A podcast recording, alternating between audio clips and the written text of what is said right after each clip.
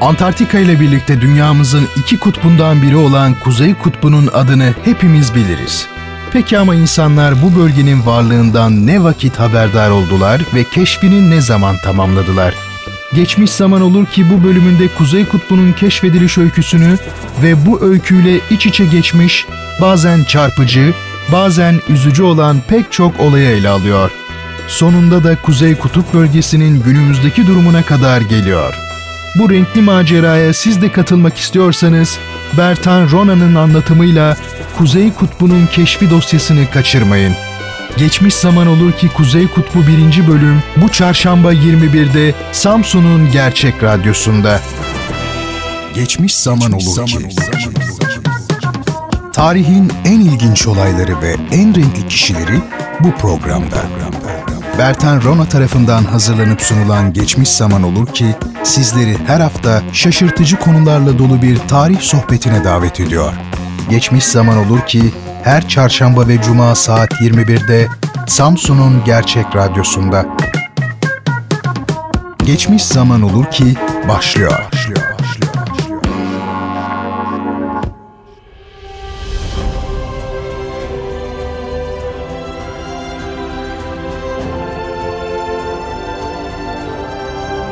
Efendim hepinizi en içten duygularımla selamlıyorum. Geçmiş zaman olur ki programına hoş geldiniz. Bendeniz programı sizler için hazırlayıp sunan Bertan Rona. Bu programda tarihte iz bırakmış önemli, ilginç, bazen açıklanması mümkün olamayacak kadar tuhaf olayları ve yine tarihe yön vermiş olan önemli kişileri, ilgi çekici işler yapmış tuhaf insanları mercek altına yatırıyoruz zaman zaman ilginç yerleri ve coğrafi olguları da söz konusu ediyoruz. Efendim geçmiş zaman olur ki her hafta çarşamba ve cuma akşamları saat 21'de Radyo Gerçek'te dinleyebilirsiniz. Ve böylelikle gündelik hayatımızın monotonluğundan uzaklaşmak için haftada hiç olmazsa iki akşam kendinizi renkli bir yolculuğa çıkarmış olursunuz. Sevgili dinleyicilerim bu akşam sizlere Kuzey Kutbu'nun keşfini anlatmaya çalışacağım. Dünyamızın iki kutbundan biri olan ancak Antarktika'ya göre çok daha farklı özellikleri bulunan bu bölgenin keşfi tarih boyunca hangi aşamalardan geçti bunu öğrenmeye çalışacağız. Efendim Kuzey Kutup bölgesi insanın evrimi açısından büyük önem taşıyan Pleistosen dönemin büyük bölümünde insan yerleşiminden yoksun alanlardan biri olarak kaldı. Bununla birlikte bölgenin hemen güneyindeki insan toplulukları önemli bir gelişme sürecine girdiler. Yukarı Yenisey Irmağı, Baykal Gölü ve Rusya steplerinde yapılan arkeolojik kazılar dünyanın bilinen en eski evlerini ortaya çıkarmıştır. Buralarda ele geçirilen buluntular arasında çakmak taşından yapılma uçlar ve kazıyıcılar, delgi aletleri, kemik, fil dişi ve geyik boynuzundan yapılma araçlar sayılabilir. Baykal Gölü çevresinde M.Ö. 5. 3. bin yıllar arasına tarihlenen daha ileri kültürlere ait araç ve gereçlere rastlanmıştır.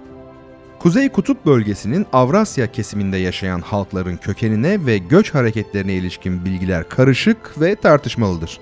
Bununla birlikte Çukçi, Koryak ve Kamçadalların 2000 yıl kadar önce Kuzeydoğu Sibirya topraklarına girdikleri, Baykal bölgesinden yola çıkan Yakutların ve Tunguzların ise kuzeye, güneye ve batıya yayıldıkları sanılmaktadır.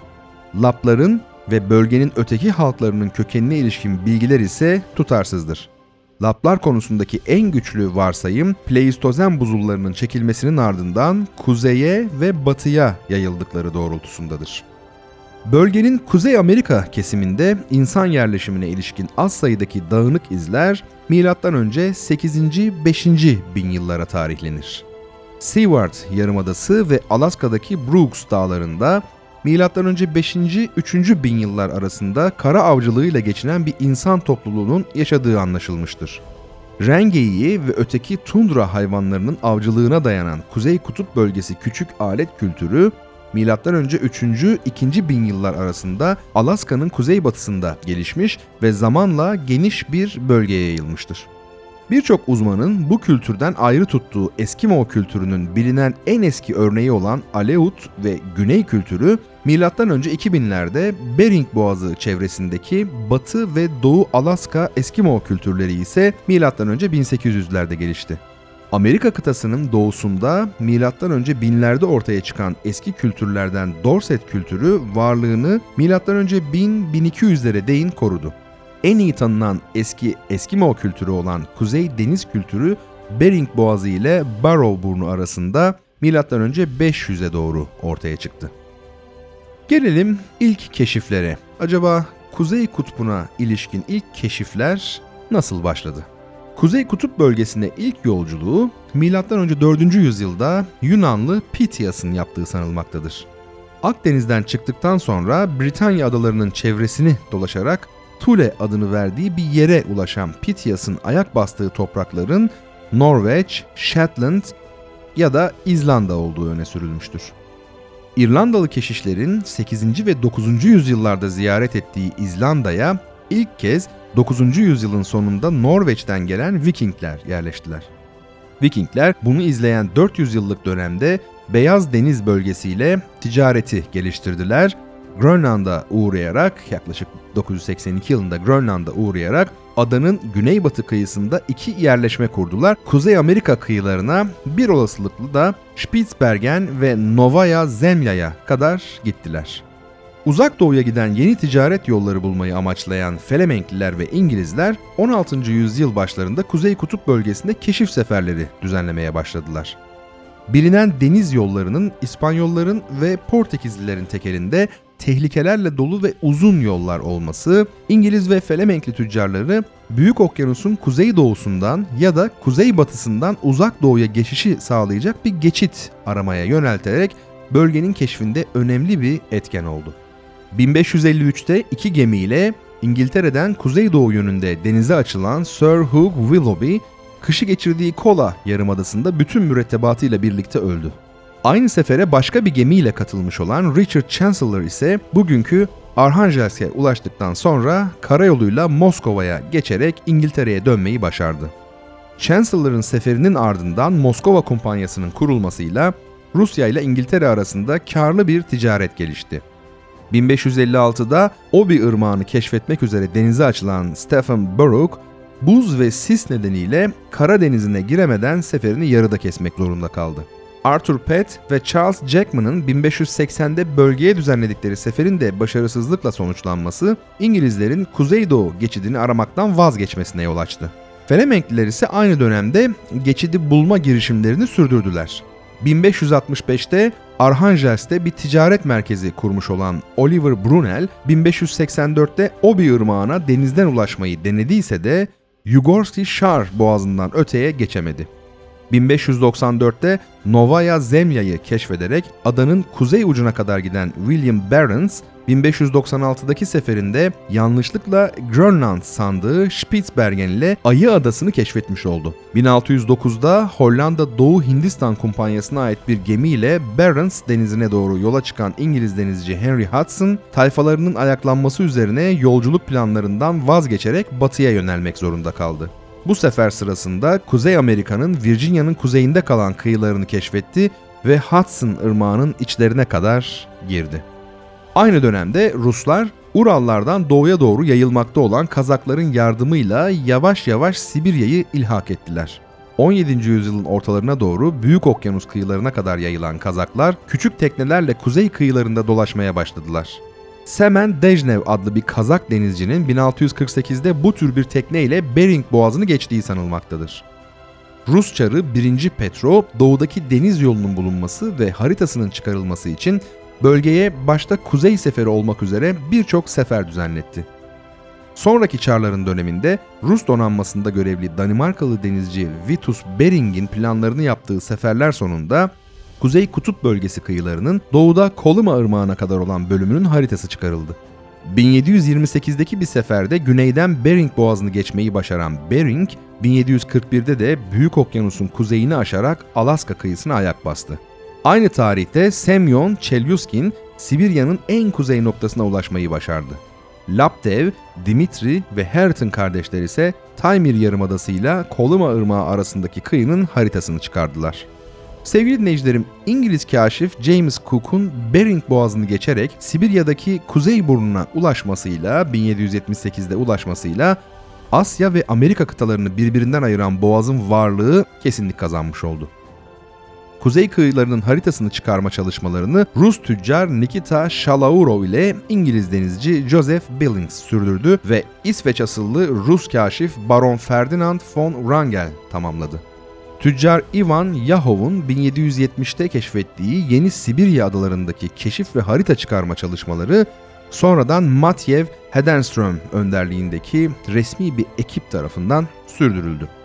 Avusturyalı Julius Payer ve Karl Weipreit, Kuzeydoğu geçidinden geçmek amacıyla düzenledikleri sefer sırasında rastlantı sonucu Franz Josef topraklarını keşfettiler. Geçidi geçmeyi başaran ilk kaşif İsveçli Nordenskjöld oldu. Onu Rus donanmasından Wilkitski izledi. Wilkitski, Chelyuskin burnunu aşmaya çalıştığı bir sefer sırasında kuzeye sürüklenerek 2. Nikolay topraklarını keşfetti. 1912'de geçidin batı yakasından doğu yakasına geçmeye yönelik iki girişim de başarısızlıkla sonuçlandı. 1932'de Sibiryakov adlı buz kıran, geçidi bir mevsimde geçmeyi başaran ilk gemi oldu. Günümüzde Sovyet buz kıranları geçidi sürekli olarak ulaşıma açık tutmaktadır. Efendim, peki Kuzeybatı geçidine yönelik girişimler nasıl oldu? Gelin şimdi biraz da bu konuya bakalım. Cartier ve izleyicilerinin Amerika'nın kuzeyine düzenledikleri bütün seferler Kuzeybatı geçidini bulma amacını taşıdığından geçidi bulmaya yönelik ilk girişimlerin Avrupalıların Amerika'yı keşfetmesiyle başladığı söylenebilir. Bununla birlikte Kuzey Kutup bölgesine girmeyi başaran ilk kaşif Sir Martin Frobisher oldu. O dönemde Labrador'un güneyi ile Grönland arasındaki bölgenin haritası henüz çıkarılmamıştı. Üstelik Nicolo Zeno'nun 1380'de çıkardığı haritada İzlanda ve Grönland arasında aslında var olmayan Friesland adlı bir kara parçası görünüyordu. Bu haritanın yarattığı karışıklıklar bölgenin doğru haritasını çıkarma çalışmalarının 200 yıl kadar sürmesine neden oldu. İki tekneyle denize açılan Frobisher, gemilerden birinin tayfalarıyla birlikte yok olduğu çok güç bir yolculuktan sonra Baffin adasının güneydoğu kıyısını görmeyi başardı. Bugün kendi adını taşıyan körfezde 100 kilometre kadar ilerledikten sonra içinde altın olduğunu sandığı kaya örnekleriyle geri döndü. Daha sonra altın madeni açmak amacıyla bölgeye iki sefer daha düzenledi ama sonunda bulduğu taşlarda altın olmadığı anlaşıldı. Geçidi bulmak üzere sefere çıkan ikinci denizci John Davis, 1585-1587 yılları arasında düzenlediği 3 sefer sırasında Grönland'ı keşfetti. Adanın güneydoğu kıyısını izleyerek 72 derece kuzey enlemindeki Disco adasının ötesine kadar ilerledi. Ayrıca Baffin adası kıyılarında ve Labrador'un Dyer burnunun güneyinde kalan kesimlerinde de dolaştı. George Weymouth'un 1602'de Hudson Boğazı'na girmesinin ardından Henry Hudson, Hudson Körfezi ile James Koyuna son yolculuğunu yaptı. Takvimler 1610'u gösteriyordu. Hudson Körfezi'nin keşfini bu büyük iç denizin batıdan çıkışı olup olmadığını saptamak üzere düzenlenen çok sayıda sefer izledi. Körfez'in batı kıyısına ulaşmayı başaran ilk denizci olan Sir Thomas Baden, Rose Welcome boğazını bulmuş oldu. Sevgili dinleyicilerim 1615'te Southampton adasının kuzeydoğu kıyısında dolaşan William Baffin, ertesi yıl Baffin körfezini keşfetti. Ama yaptığı keşfin önemi 200 yıl boyunca anlaşılmadı. Grönland'ın batı kıyılarını izleyerek körfeze giren Baffin, Smith, Jones ve Lancaster boğazlarını bulduysa da bunların koy olduklarını sanarak Baffin körfezinden çıkış olmadığı sonucuna vardı. Öte yandan çıkardığı haritaların yayınlanmaması Baffin Körfezi'nin varlığının uzun yıllar kuşkulu kalmasına neden oldu. Hudson Körfezi'ndeki araştırma çalışmaları 18. yüzyılın sonuna değin sürmekle birlikte bölgeye ilgi giderek azaldı. Kuzeybatı geçidini bulmaya yönelik çabalar 19. yüzyılda yeniden canlılık kazandı. İngiliz Kraliyet Deniz Kuvvetleri'nin geçidin bulunması için bir dizi büyük sefer düzenleme kararı almasının ardından 1818'de denize açılan Kaptan John Ross, Baffin körfezine girdikten sonra tıpkı Baffin gibi boğazları çıkışı olmayan koylar sanma yanılgısına düştü. Yardımcısı William Edward Perry 1819-1820'de Lancaster Boğazı'nı geçerek Melville adasına ulaştı. 1821-23 arasında ise Fox kanalını aşmaya çalıştı. 1824-25 yıllarındaki 3. yolculuğunda Prince Regent körfezini buldu. Lyon ve George Beck'in Repulse koyuna ulaşma girişimleri ise başarısızlıkla sonuçlandı. Kaptan John Ross 1829-1833 arasındaki seferinde Prince Regent körfezinden Boothia körfezine geçmeyi başararak kuzeybatı geçidinin bulunması yolunda önemli bir adım attı.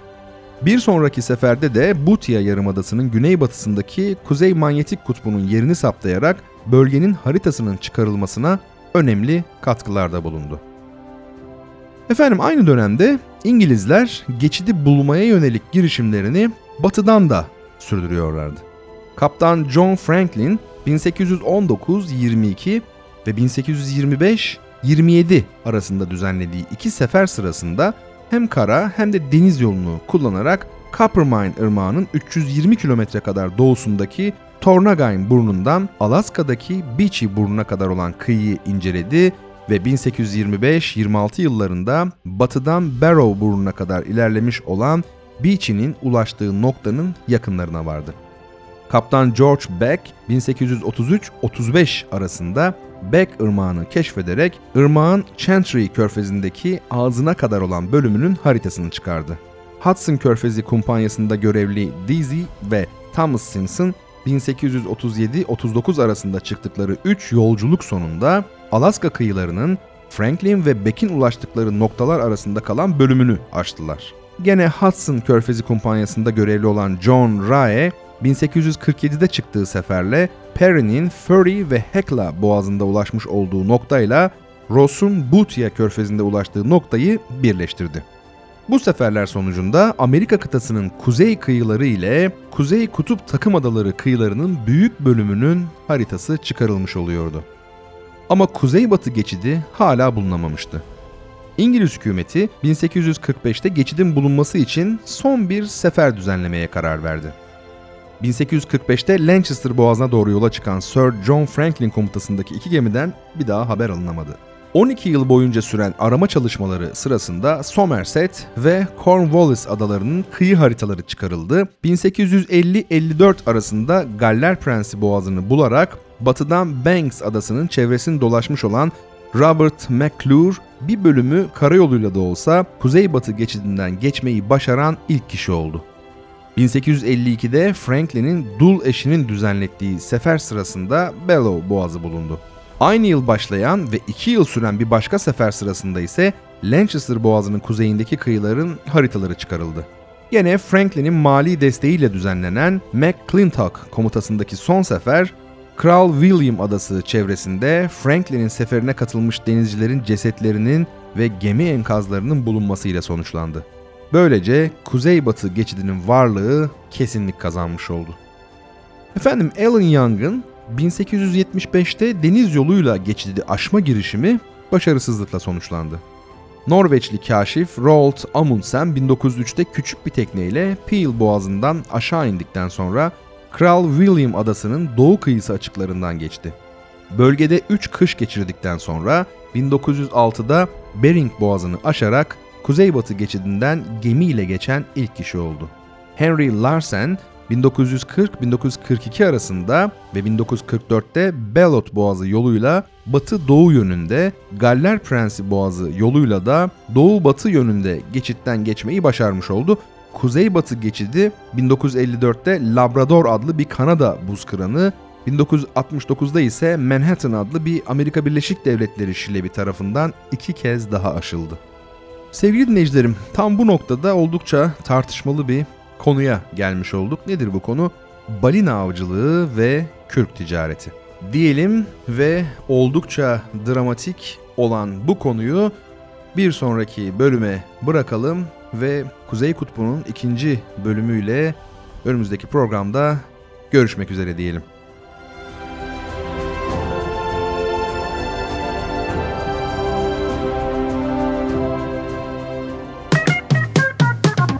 Geçmiş zaman olur ki sona erdi. Bu program hakkındaki düşüncelerinizi dinleyen et radyogercek.com adresine mail atarak bize ulaştırabilirsiniz.